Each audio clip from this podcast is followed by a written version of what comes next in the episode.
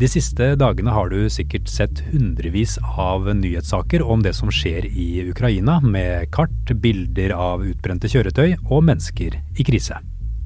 Den ene nyheten er mer dramatisk enn den andre, og alt skjer veldig fort. Dette er den første av flere korte ekstraepisoder hvor vi kjapt gir deg det viktigste som har skjedd det siste døgnet. Du hører kort forklart fra Aftenposten. Det er mandag ettermiddag 28.2, og jeg heter Andreas Bakke Foss.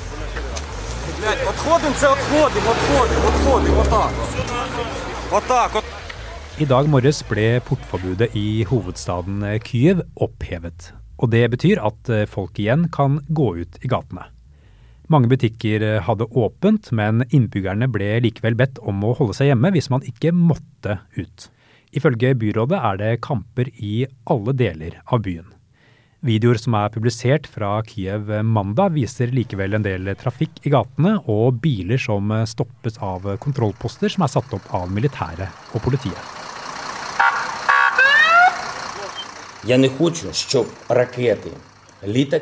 Nå har Russland og Ukraina begynt å snakke sammen.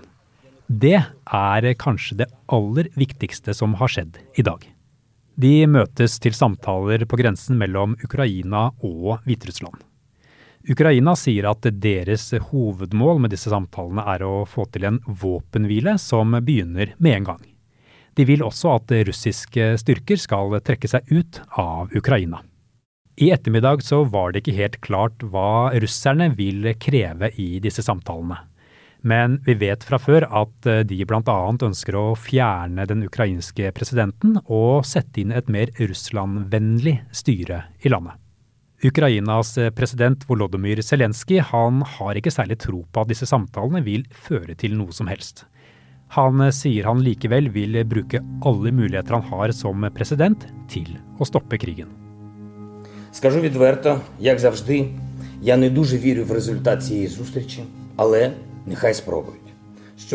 den samme Zelenskyj har sagt at det døgnet vi er inne i nå, vil bli avgjørende for Ukraina. Nato-sjef Jens Stoltenberg sa i dag at de vil øke sin militære støtte til Ukraina. Landet er ikke medlem av Nato, og derfor sender ikke forsvarsalliansen egne styrker inn i Ukraina. Men eh, nå sier Nato at de vil bidra med våpen, humanitær hjelp og penger. Norge har allerede bestemt seg for å sende militært utstyr, men ikke våpen. EU har også sagt at eh, de vil levere våpen til Ukraina for en verdi av 4,5 milliarder kroner. As the war in Ukraine rages on and Ukrainians fight bravely for their country, Presidenten i Europakommisjonen, Ursula von der Leyen, kaller det et vannskille. For the first time ever, the European Union will finance the purchase and delivery of weapons and other equipment to a country that is under attack. This is a watershed moment. Hviterussland er en av få som støtter Russland i denne krigen.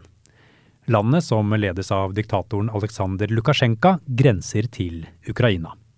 Og nå har Hviterussland sagt at Russland kan få plassere atomvåpen i landet.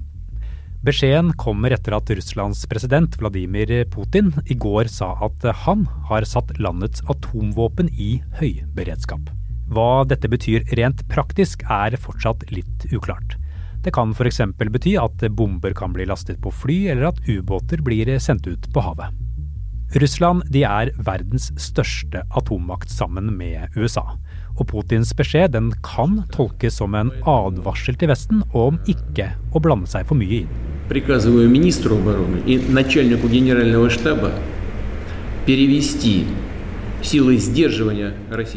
Det var dagens korte oppdatering. På ap.no får du analysene, kommentarene og alt du trenger å vite om det som skjer i Ukraina nå. I tillegg kommer det flere ordinære forklarte episoder om Ukraina fremover. I denne episoden har du hørt lyd fra nyhetsbyrået AP.